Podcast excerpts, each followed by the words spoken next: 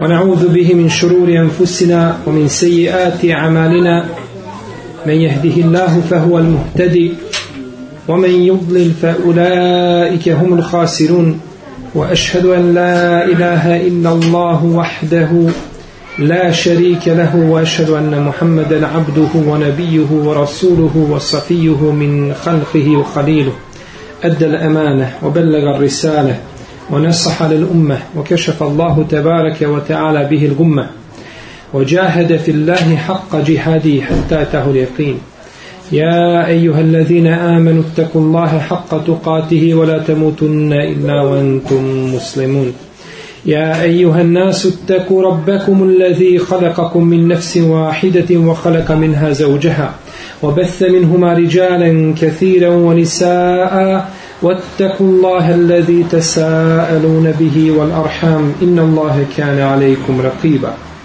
يا أيها الذين آمنوا اتقوا الله وقولوا قولا سديدا يصلح لكم أعمالكم ويغفر لكم ذنوبكم ومن يطع الله ورسوله فقد فاز فوزا عظيما أما بعد فإن أصدق الكلام كلام الله تعالى وخير الهدي هدي محمد صلى الله عليه وسلم وشر الأمور محدثاتها وكل محدثة بدعة وكل بدعة ضلالة وكل ضلالة في النار أما بعد na putu ka Allahu وتعالى wa Teala čovjeka presreću isputavaju ga sa istine razni neprijatelji raznih oblika, boja i vidova i nema sumnje gledajući kuransko-hadijske tekstove i riječi islamskih učenjaka kroz generacije da je jedan od najopasnijih neprijatelja čovjeka njegova duša.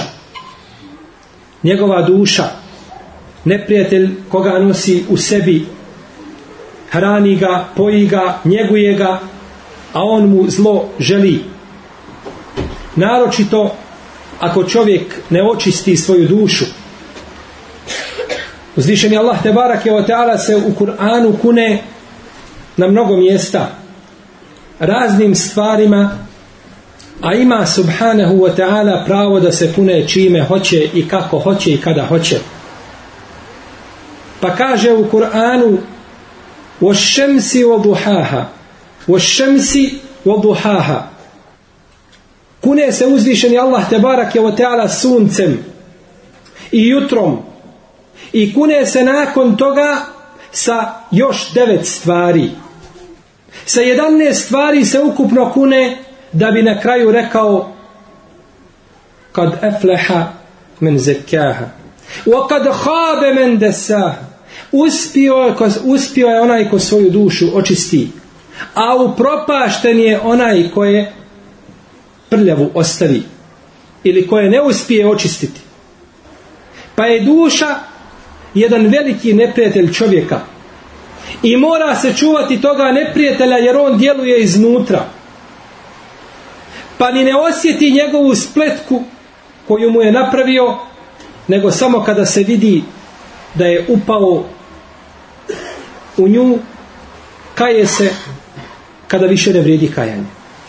Stoga, musliman sebi ne smije dozvoliti, draga moja braćo i cijenine sestre, da udovoljava svojoj duši, da zbog nje voli i da zbog nje mrzi. Da nastoji po svaku cijenu da joj pomogne i da ona bude ta koja će na kraju biti gornja. Već treba čovjek da ima široka prsa i da gleda uvijek opću korist. Javni interes din Islama. I stoga mi smo danas potrebni da govorimo o jednoj jako bitnoj temi. Jer i koliko je samo međuljudskih odnosa pokvareno, koliko je veza popucalo, koliko se bratstva u neprijateljstvo pretvorilo i koliko je davetskih aktivnosti i projekata zbog duše propalo. Pa smo potrebni da govorimo i da se podsjetimo na ono što nam naš din islam nudi. Poslanik sallallahu alaihi wasallam kako kaže Aisha radijallahu ta'ala anha u predaji koju bilježi imam Buharija nije se nikada svetio zbog sebe samog. Nikada se nikome nije osvetio zbog svoje duše, zbog sebe. Nego se je svetio kada se prekorače Allahove granice, pa kada ne može drugačije nego osvetom, onda je koristio to. A nikada zbog sebe nije.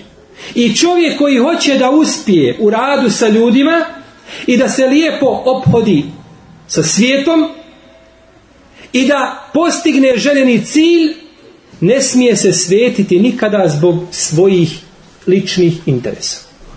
To je pravilo koje ako musliman svati, uspjeće u ispravnoj prezentaciji islama. U protivnom, predstavit će islam u pogrešnom svijetu.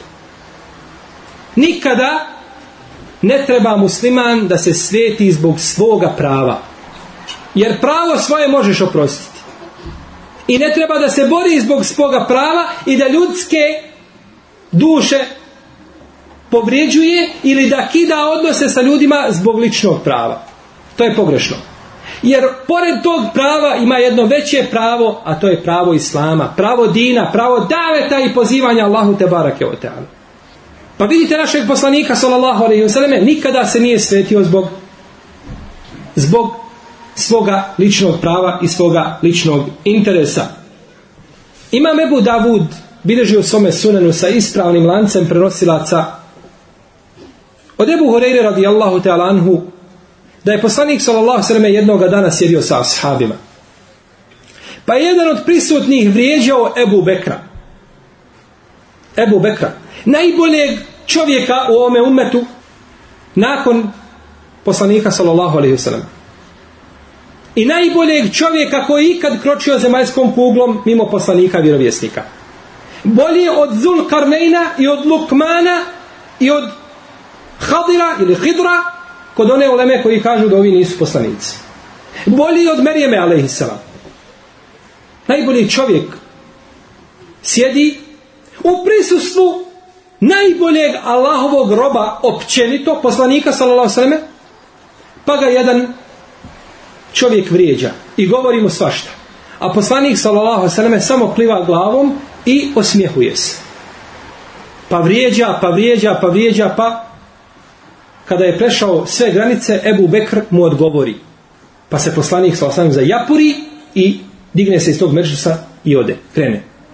Pa Ebu Bekr tršao za poslanikom sallallahu alejhi kaže Allahu poslanice sjedio si i vidio si šta mi je govorio kada sam mu samo odgovorio na jednu stvar koju mi je kazao ti se kaže naljutio i krenuo zašto kaže o Ebu Bekr to kaže što je govorio vidio sam kaže meleka koji je došao i kaže, on te je branio. On je odgovarao za tebe. Ovaj napada, a Melek odgovara. I kaže, kada si ti odgovorio, onda se je Melek povukao i kaže, došao je šeitan i kaže, ja nisam htio da sjedim sa šeitanom. A u drugoj predaji kaže, sišao je Melek sa neba i kaže, u laž ga je ugonio to što govori. Pa kada si ti sam pokušao da obraniš sebe i svoju dušu, onda je, kaže, došao šeitan, pa nisam htio da sjedim sa šeitanom. O Ebu Bekre, Kaže dalje poslanik sallallahu Kada god čovjeku bude učinjena nepravda, pa on se strpi zbog te nepravde koja mu je učinjena i vrati stvar Allahu Đelešanu, Allah će ga pomoći zbog te nepravde koja mu je učinjena. I kada god čovjek bude ulagao i metak, želeći time spojiti rodbinske veze, i pomoći one koje treba pomoći, kaže uzvišeni Allah će mu dati bereket u njegovom imetku. I o Ebu Bekre, kada god čovjek sebi otvori vrata prosijačenja bez potrebe, Allah će mu, kaže, učiniti tjeskobu u njegovom risku. Nikada je neće imati. Koliko god je prosijačio, nikada neće imati ono što mu treba. Kod Buhari i kod muslima stoji predaja od Ebu Horeire u kojoj poslanik sallallahu alaihi kaže nije žestok čovjek Onaj koji se brzo naljuti, jer naljutiti se može braću svako. Nego je žestok čovjek koji se strpi kada se treba naljutiti. Kada se može naljutiti i kada ga duša poziva da se naljuti, kaže to je žestok čovjek. Kao što ima Ahmed rekao, kaže nije vjera u olakšicama. Oprostite, kaže nije vjera da vi ćete haram, haram ili halal. To može svako običnog čovjeka sa ledine dovedite i kažete mu šta je, nikad će haram ili halal. Kaže, vjera je da daš olakšicu. A olakšicu ne može znati nego poznavajući propise, jer se olakšice ne mogu tako lahko davati. Tako i ovo. Kako kaže šehol sam Ibn Tejmije. Ako je odgovoriti čovjeku vrijeđati ga, kaže to može svako. Niko nije nesposoban da to uradi. Ali da čovjeku odgovoriš i da ga poučiš, kaže zato treba nešto više od toga. Treba hikmet. Ko želi, draga moja braćo i cijeljene sestre, da se okiti sa hlapom Islama, mora paziti na ovu stvar i mora trpiti ezijete ljudi. Jer od postanka svijeta neznalice ezijete mukmine. I toga je uvijek bilo. Ovdje kada govorimo o ezijetima, svakako govorimo o ezijetima muslimana. Nikako o ezijetima drugih. To je potpuno drugi propis. Govorimo kada muslimana ezijete muslimani neznalice. Čovjek mora sa ljudima surađivati širokih prsa, mora trpiti njihovu nepravdu, njihove provokacije. U protivnom neće uspjeti onome čemu poziva. I onaj ko bude se grubo ophodio prema braći muslimanima, neće uspjeti u onome što cilja. A to je poziv Allahu ođen, Ti kada vidiš čovjeka da čini grešku i kada mu se ružno i grubo obratiš, on to sigurno neće od tebe prihvatiti. Allah te barak je otela kaže za ashabe, kaže poslaniku sallallahu sallame, وَلَوْ كُنْتَ فَضْلًا غَلِيظَ الْقَلْبِ لَنْ فَضُّ مِنْ حَوْلِكَ I da si ti bio grubog srca i krut, oni bi se razbježali od tebe. Mi jedni druge ne volimo ni 10%, ma ni 1% koliko su ashabi voljeli poslanika sallallahu alejhi Ma ni 0,1%. Amr ibn As kaže tako mi Allaha nisam se mogao zasititi lica poslanika sallallahu alejhi gledajući u njega. I pored toga kaže Allah te barake o otala o Muhammede da si bio grubog srca, oni bi se razbježali. Pa šta je onda sa nama? Čovjek koji gleda u obični puk muslimana i obraća im se grubim riječima i grubim izrazima i frazama, taj prvo mora sa sobom riješiti situaciju. Mora prvo sam sebe pozivati, svoju dušu koriti, svoje stanje popraviti i onda nakon toga drugima govoriti. Kako kaže arapski primjer, faqi dušein la Čovjek koji nešto nema ne može to dati. Onaj koji nešto ne posjeduje ne može ti to dati, niti može tome, niti može tome poučiti. Ponekad ljudi smatraju da je opraštanje ljudima slabost u duši koja ne smije biti prisuta kod mukmina nego treba biti žestok i uvijek da istina među ljudima mora isplivati što se njega tiče a kada dođu šerijatski propisi naći ćemo ga da nije takav pa kaže uzvišen Allah te barake kaže وَالَّذِينَ إِذَا أَصَابَهُمُ bagi sirun. Oni koji kada ih nepravda kakva snađe i neko im nepravdu učini, oni svete se ljudima. To je jedan ajet. A imamo s druge strane desetina najeta koji govore o opraštanju ljudima i o lijepom ophođenju prema ljudima i prelazka i prelazak preko ružnih postupaka tih, tih ljudi. Da bi svako od nas vagnuo sebe i svoje stanje Neophodno je da vedem, navedemo nekoliko primjera iz života oni koji su bili bolji od nas. Jer oni su nama uzor u svakom pogledu. I ne namjeravam nikako navoditi primjera iz suneta poslanika sallallahu jer možda bih prvi ja kazao pa i neki od vas, to je bio Allahov poslanik. Njemu je Allah Đelešanu očistio prsa, izvadio iz njegovih prsa udio šeitana, pa mu nije mogao ništa. Prsa su mu dva puta rasporena. Spomenut ćemo nekoliko primjera iz života onih koji su bili bolji od nas. Da vidimo kako su se oni ponašali prema neznalicama, prema muslimanima, prema braći muslimanima. Ima Ahmed, Ima Mehlu Sunata ol džemata. Čovjek čijom je zaslugom sačuvan islam jedan put. I prije toga za vrijeme Ebu Bekra kada su ljudi odbili da daju zekat. Biva bićevan poredjeljkom, krv curi po njegovom tijelu, on postač. I nakon toga kada ga pitaju, kaže svima sam oprostio koji su to radili. Zbog fitneta stvaranja Kur'ana, u kojoj je Imam Ahmed, to je fitni, pokazao čvrstinu i stabilnost, biva bićevan.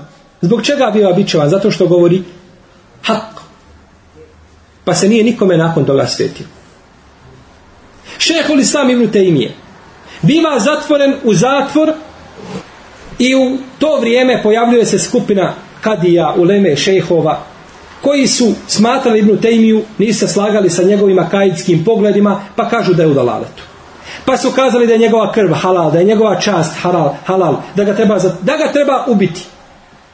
I jedan od najžešćih njegovih neprijatelja bio je ibn Mahluf, jedan malikijski učenjak. Kaže Imam Šaukjani za njega da je bio šeitan. Tako ga je nazvao. Kada je vidio šta je radio šeho Islama Ibn Tejmi, kaže to je bio šeitan.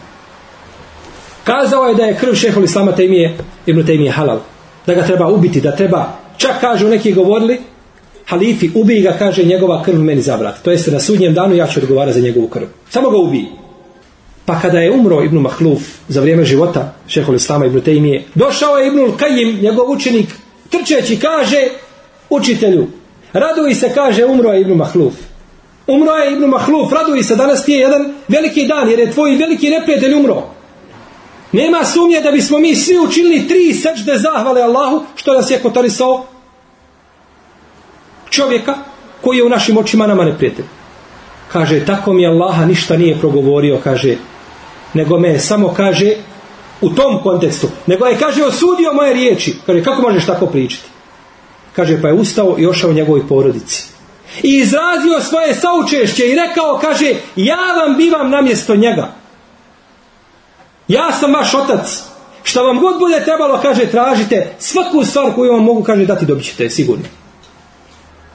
To je bio imam umeta Šehol sam Ibn Tejmije, rahimahullahu ta'ala, mi danas kada imamo konflikt sa bratom muslimanom, radimo sa njim po pravilu huzuhu gullu. Thummel džahime sallu. Uzmi i okove ga veži, potom ga uvatri prži. Thumme fi silsilatin zaroha seb'una ziran fesluku. Potom ga veži u lance duge 70 podmrtica. Tako je pravilo. Odmah ga riješi ili wala tusalli ala ala minhum mata abadan wala takum ala qabrihi. I nemoj ne od njih ženazu klanjati kada umre i nemoj mu na kaburu stajati. To je ajet koji je objavljen za munafike. Nije objavljen u pogledu muslimana. So, ashabi su opisani u Kur'anu ruhama u bejnehum koji su milostivi jedni prema drugima. I kogod bude zagovarao drugačije, griješi. Nije u pravu. Jer Kur'an kaže da su milostivi i da mu'mini da su braća i da su vjernici Braće ne mogu ništa drugo biti među brat, već, nego braća a braća su milostiva jedni prema drugima za razliku od nebraće poslanik sallallahu sallame klanja u dženazu najvećem munafiku Abdullah ibn Bey ibn Salul Klanja u dženazu zamotao ga u svoj ogrtač i to je bilo prije zabrane prije nego što je Allah te barek tela zabranio dobio 70 puta, ali dobio neće mi to Kaže, tako mi je Allah da znam da će biti primjer, ako više od 70 puta dovim, kaže, ja bi dobio. To je poslanik sallallahu alaihi Primjer u, milo, u samilosti i u praštanju. Iako je ovaj čovjek kazao, kaže, ma methaluna o methalu haula, illa kema qil, semmin kelbet Kaže, primjer nas i ovih, misli na muhađire, je kaže kao primjer onoga koji je rekao uvoj psa pa ćete pojesti. Ona će kazati, oni su došli iz Medine i mi smo ih primili i ugostili i Medinu im domom učinili, a mi smo tu domaći i sada oni traže nekakva svoje prava.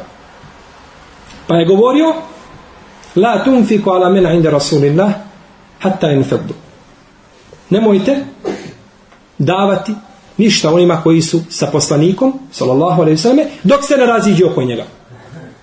Ponaša se jadnik kao da su u njegovim rukama riznice dunjaluka, zemlje i nebesa.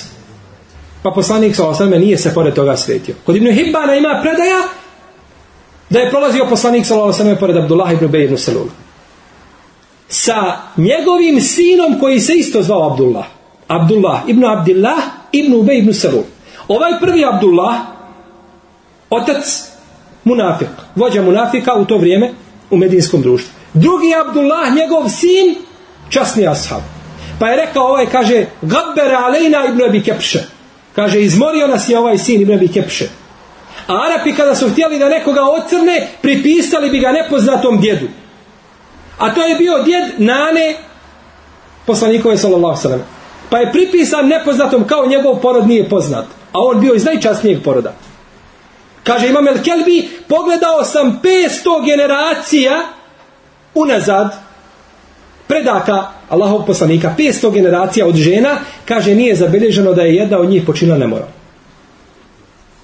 500 generacija ni jedna. Najčasniji porod koji može biti. Porod poslanika sallallahu alaihi Pa kaže ovaj munafik, kaže Izmorio nas je ovaj sin Ibn Abi Kepše. Hoće da kaže ko je on On je ovaj anonimus XY čovjek izmorio nas.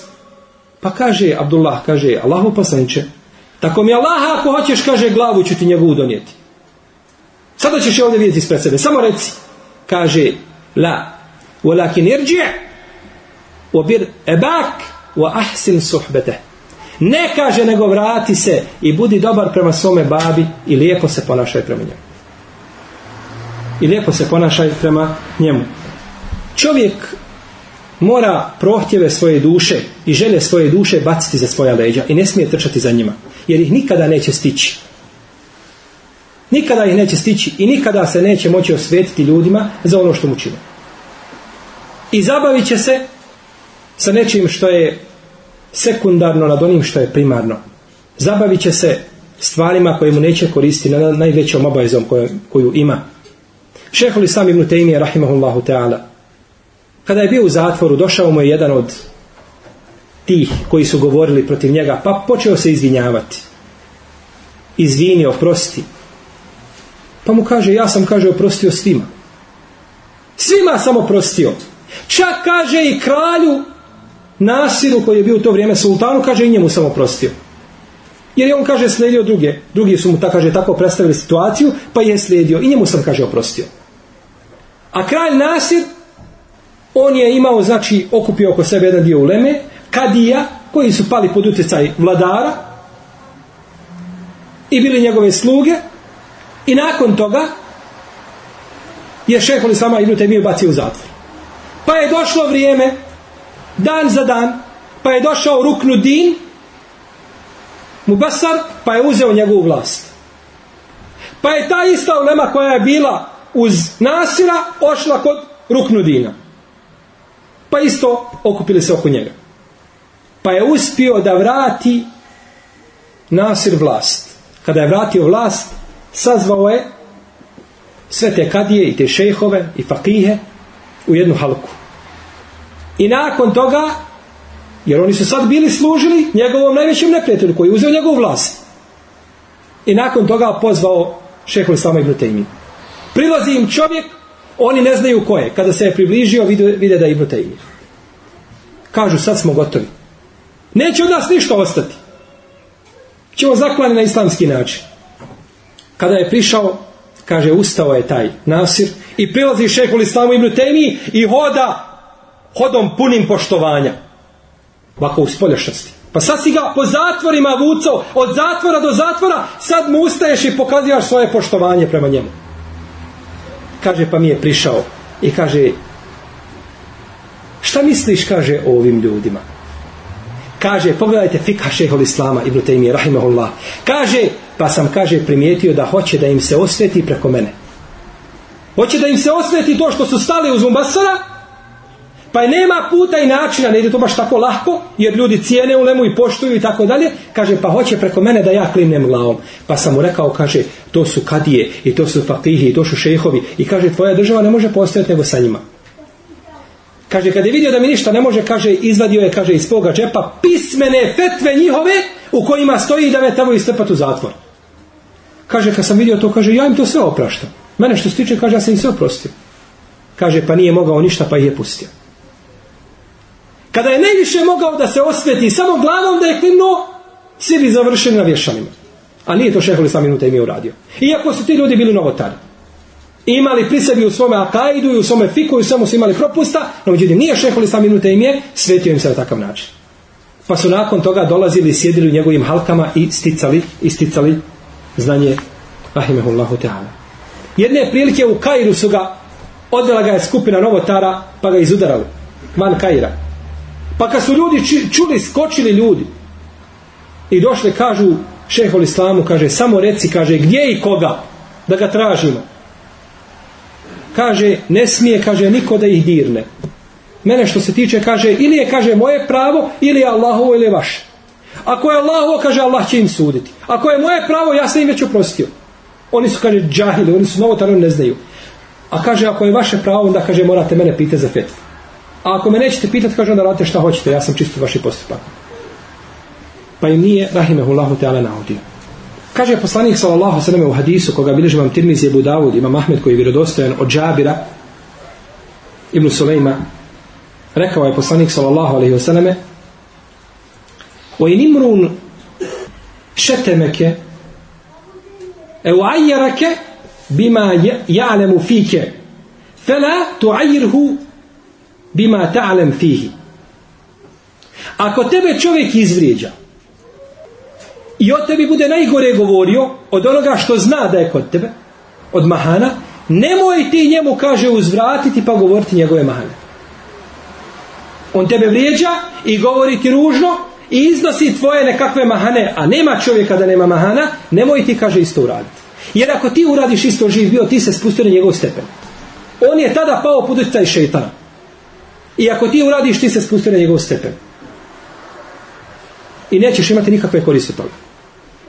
Pa zbog čega je poslanik sa branio Ebu Bekru? Da se brani. Bileži imam Nesaj i Mađe sa ispravnim lancem prenosilaca od Ebu Rahvesa, od njegovog oca, kaže, rekao sam, o Allahov poslaniče, kaže, ja imam Amidžića. Tražim, tražim od njega, ne dam. I mi je tako. Tražim od njega da mi pomogne sobom, neće. Kaže, pa nakon vremena dođe i traži od mene ovu i onu pomoć. Kaže, pa sam se zarekao Allahom da mu neću pomoći. Pa je rekao poslanik sa kaže, iskupi se za svoju zakletvu i pomozi mu. Iskupi se i pomozi Poznati vezir Ibn Hubeira, hambelijski faqih, stekao je ilm i fiqh i to da bude vezir u jedno vrijeme. Sjedili su kod njega učenjaci četiri pravne škole i sticali za njim. Pa jednoga dana spomenuo jedno fiksko pitanje koje je specifično za imama Ahmeda. Samo imam Ahmed kazao to pitanje, niko drugi nije rekao. Od učenjaka, poznatih mezheba. Kad rekao, kaže, ovo je mišljenje imama Ahmeda. Pa je rekao jedan od prisutnih koji se zvao Ebu Mohamed al-Širi, kaže, to je mišljenje mama Malika. Pa je donio Ibnu Hubeire, donio knjige u kojima stoji da je samo Imam Ahmed to kazao, da nije to kazao Imam Malik. Ne kaže, to je rekao Imam Malik.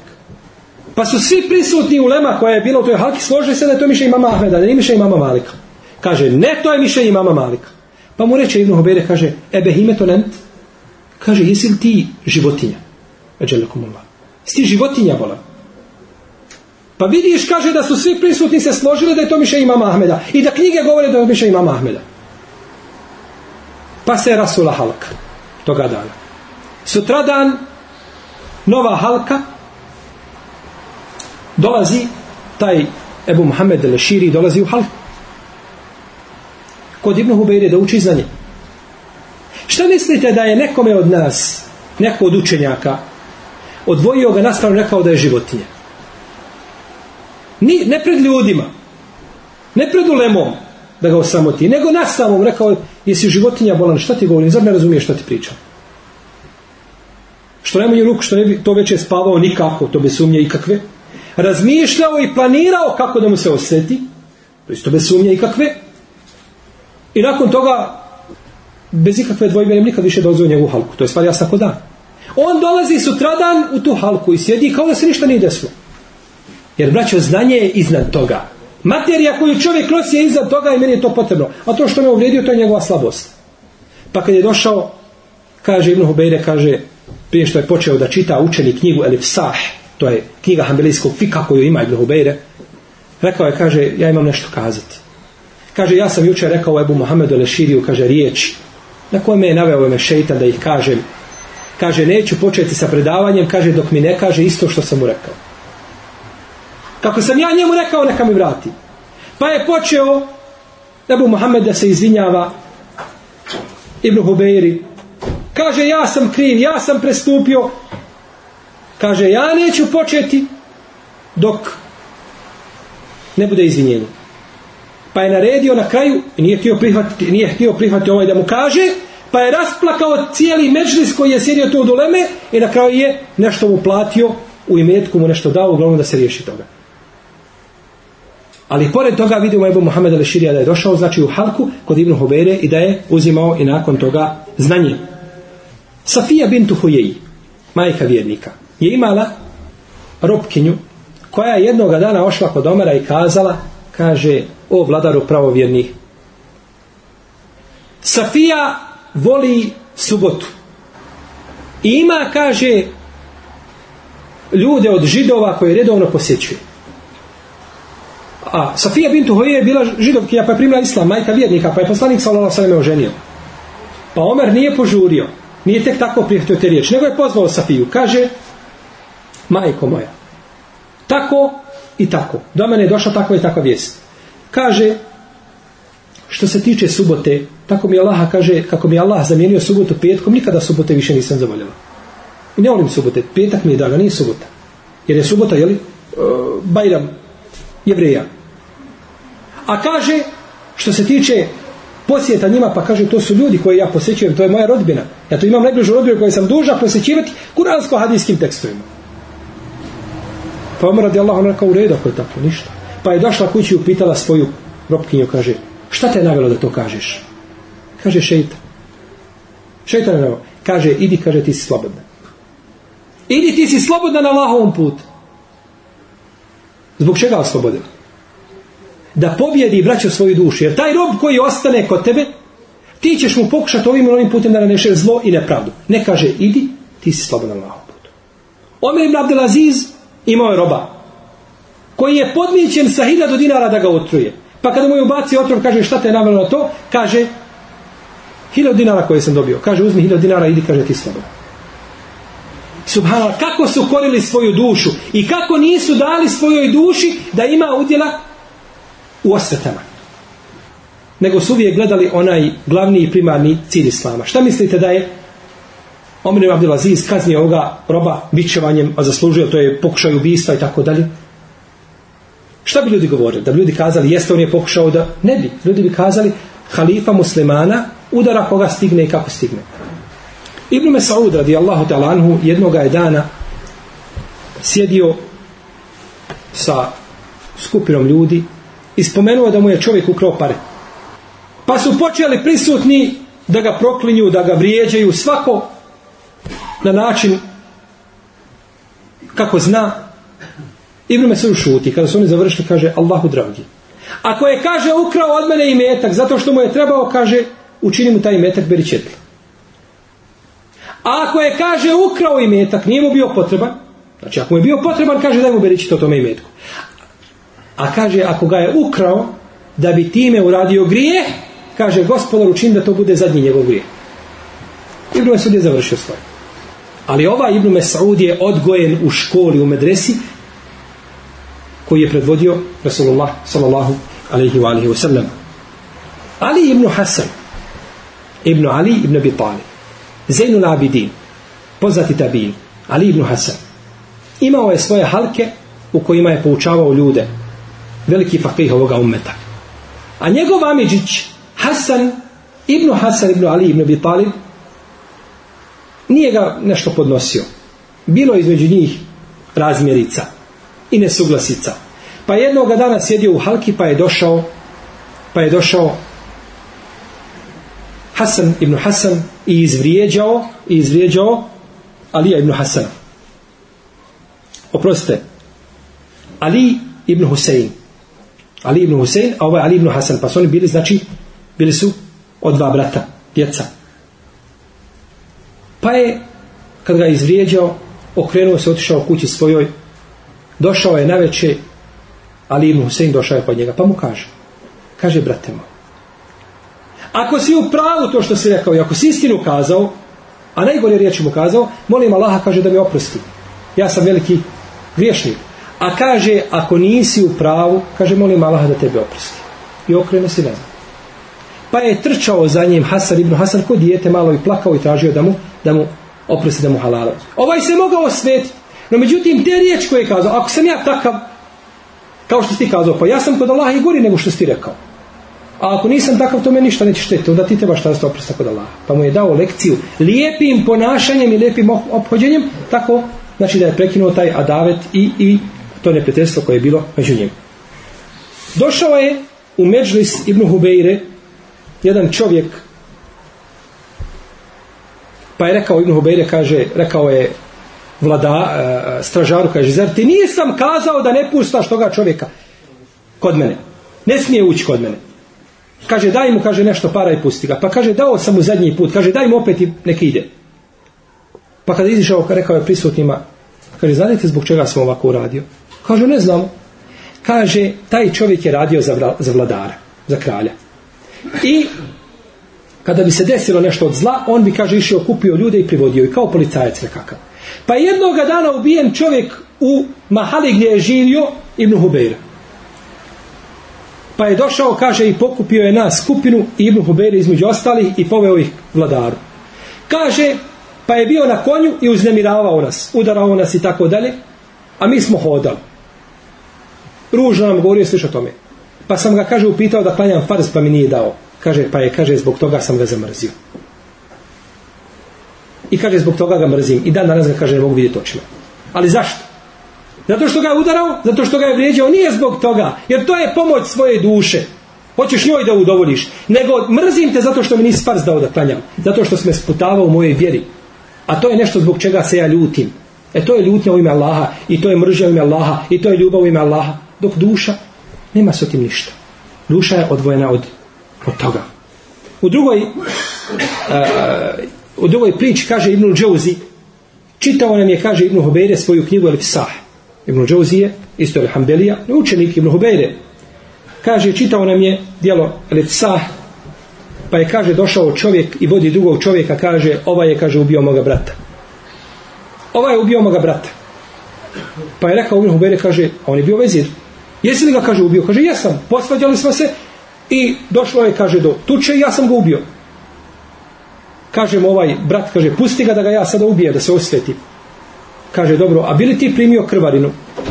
Ma kaže, ne bi primio krvarinu, bi da ga ubijem samo, da se osveti brat. Kaže, a šta misliš kad bi dobio krvarinu 600 dinara? To je bilo nekoliko puta vrijednost krvarine u to vrijeme koje je bila poznata. Kaže, ako je 600 dinara bi, neću ga ubiti. Pa Ibn Hobere izvadio 600 dinara svoji daomu Jesmo li završili? Jesmo. Idi, kaže. Pa je uzeo još 50 dinara da ome čovjeku i kaže, idi. Pa je otišao. Pa su prisutni, čudili se postupku Ibnu Hubejde. Kažu, zbog čega si to uradio? Kaže, ovaj čovjek, zar ne znate, kaže, da ja ne vidim na desno oko već 40 godina? Kažu, ne znam. Kaže, ovaj čovjek je jednoga dana jahao na konju. I držao je, kaže, posudu sa voćem. I prolazio je pored mene i rekao, ponesi mi, kaže, ovo voće. A ja sam, kaže, nosio jednu knjigu fika. Svako nosi ono za čim teži. Kaže, ponesi ovo, kaže, nije to moj posao, ja nisam, kaže, nosač. Idi, kaže, potraži se nosač, nosi, ja idem na predavanje. Kaže, pa me udario, kaže, po desnom oku i od tada, kaže, ne vidim na njega. I kaže, 40 godina je prošlo da ja toga čovjeka nisam vidio, kaže, sad sam ga vidio. I kad je htio sam da pobjedim svoju dušu, da mu se ne A bio je vezir, kad je u to vrijeme? I mogao mu se sveti. No međutim, nije to uradio radi Allahu djelanu. Kod nas, braćo, ponekad kriteriji nisu postavljeni na ispravnim osnovama. Ako kažeš mi riječ, čućeš deset. Tako? Osnova je da kako mi kažeš deset, ne čuti ni jedne. Tako se, braćo, surađuje sa muslimanima. Ne smije niko shvatiti iz ovoga da čovjeku nije dozvoljeno da svoje pravo. I da čovjek samo treba oboriti glavu da ga ljudi udaraju, udaraju po glavi. Ne, nije tako. Ali ne smije se ova strana zanemariti, jer ovo je svijetla strana naših dina i postupaka naših učenjaka. Da čovjek bude milostiv prema braćim muslimanima. Jer ako nećeš biti milostiv prema onome ko ti je brat, prema kome ćeš biti milostiv? Prema kome ćeš izraziti svoju milost? Samo ženi i babi i majici i tu se završava u tome uskom krugu? Zbog čega je uzvišen Allah te barak je otala učinio da su vjernici braća? Zbog toga što se cilj šerijata ne može ostvariti osim uz bratstvo. Jer da bi muslimani istrajali, da bi izdržali, moraju biti braća. Evo pogledajte danas kada muslimani nisu braća. Pogledajte danas kada treba jednom muslimanu stotine viza i, stotine papira da pređe iz jedne države u drugu samo 15 dana u posjetu. Pogledajte kako je stanje. Sve, na sve liči, samo na liči na islam i na muslimane. E zato muslimani moraju biti braća. A braće nema bez ovoga elementa, braćo. Bez samilosti i bez lijepog ophođenja i bez praštanja nema bratstva. Jer ljudi griješe, jer svaki si radimo grešnike i ti kada bi se svakom čovjeku obratio zbog, njegov, zbog njegove greške koju je prema tebi učinio, ili ruže riječi na koju ga je šeitan naveo, ti bi za kratko vrijeme zapečatio listu bratstva. Ti ne bi jednog brata imao niti. Stoga musliman, braćo, mora okitica ahlakom poslanika sallallahu i ahlakom koga su nam pokazali islamski učenjaci kroz generacije kada se radi o njegovoj braći muslimanima jer mi smo jedno tijelo kada zaboli jedan dio boli cijelo tijelo znaj da je tvoj brat dio tebe možeš li svoju ruku probostiti nečim možeš li je na vatru staviti ne možeš pa to je tvoj brat on je dio u tome tijelu kako je kazao poslanik sallallahu i zato je, draga moja, danas braćo, draga moja braćo, danas je bratstvo muslimansko mrtvo slovo na papiru. Ništa drugo. Poštapalica, ko je hromka se podštapa, samo da tako i mi. Pričamo bratstvo, bratstvo, bratstvo. Kada dođe na scenu, nigdje bratstva nema. Zbog najsitnije stvari spremni smo da slušimo naše bratstvo. Što je oprečno i Kur'anu i sunnetu i zdravom razumu. I zdravom razumu. Stoga ga moje braće, ovo što sam rekao, tako mi Allaha nije nego prvo meni. Prvo o sebi ovo govorim, jer znam da sam ovoga potrebniji više nego vi. Pa onda i vama, ako sebe nađete u ovome, da popravimo naše stanje, jer vrijeme ide. I ako nastavimo na način kako idemo i kako se ponašamo, u mnogo slučajeva, ne uvijek, pregazit će nas vrijeme. I kada se budemo htjeli popraviti, neće nam koristiti popravljanje. Zato popravimo se inša Allah dok imamo vremena pa ne bi li uzvišeni Allah te barak i otala ihlas u našim srcima smilovao se popravio naše stanja i stanje naših porodica i stanja muslimana i ujedinio muslimanski saf da stanu čvrsto da pokažu svima da su braća muslimani jer da su to pokazali ne bi niko digao ruku na muslimane no međutim kada muslimani pokažu da su muslimani ali bez bratstva onda rade oni što rade ono što rade. Molim Allah te barake da nas uputi na pravi put, popravi naša stanja i da popravi naša djela i da nam najboljim od naših djela učini zadnja od njih. Allahu ala a'lam. Wa sallallahu ala nabina Muhammad wa ala alihi wa sahabihi ajma'in.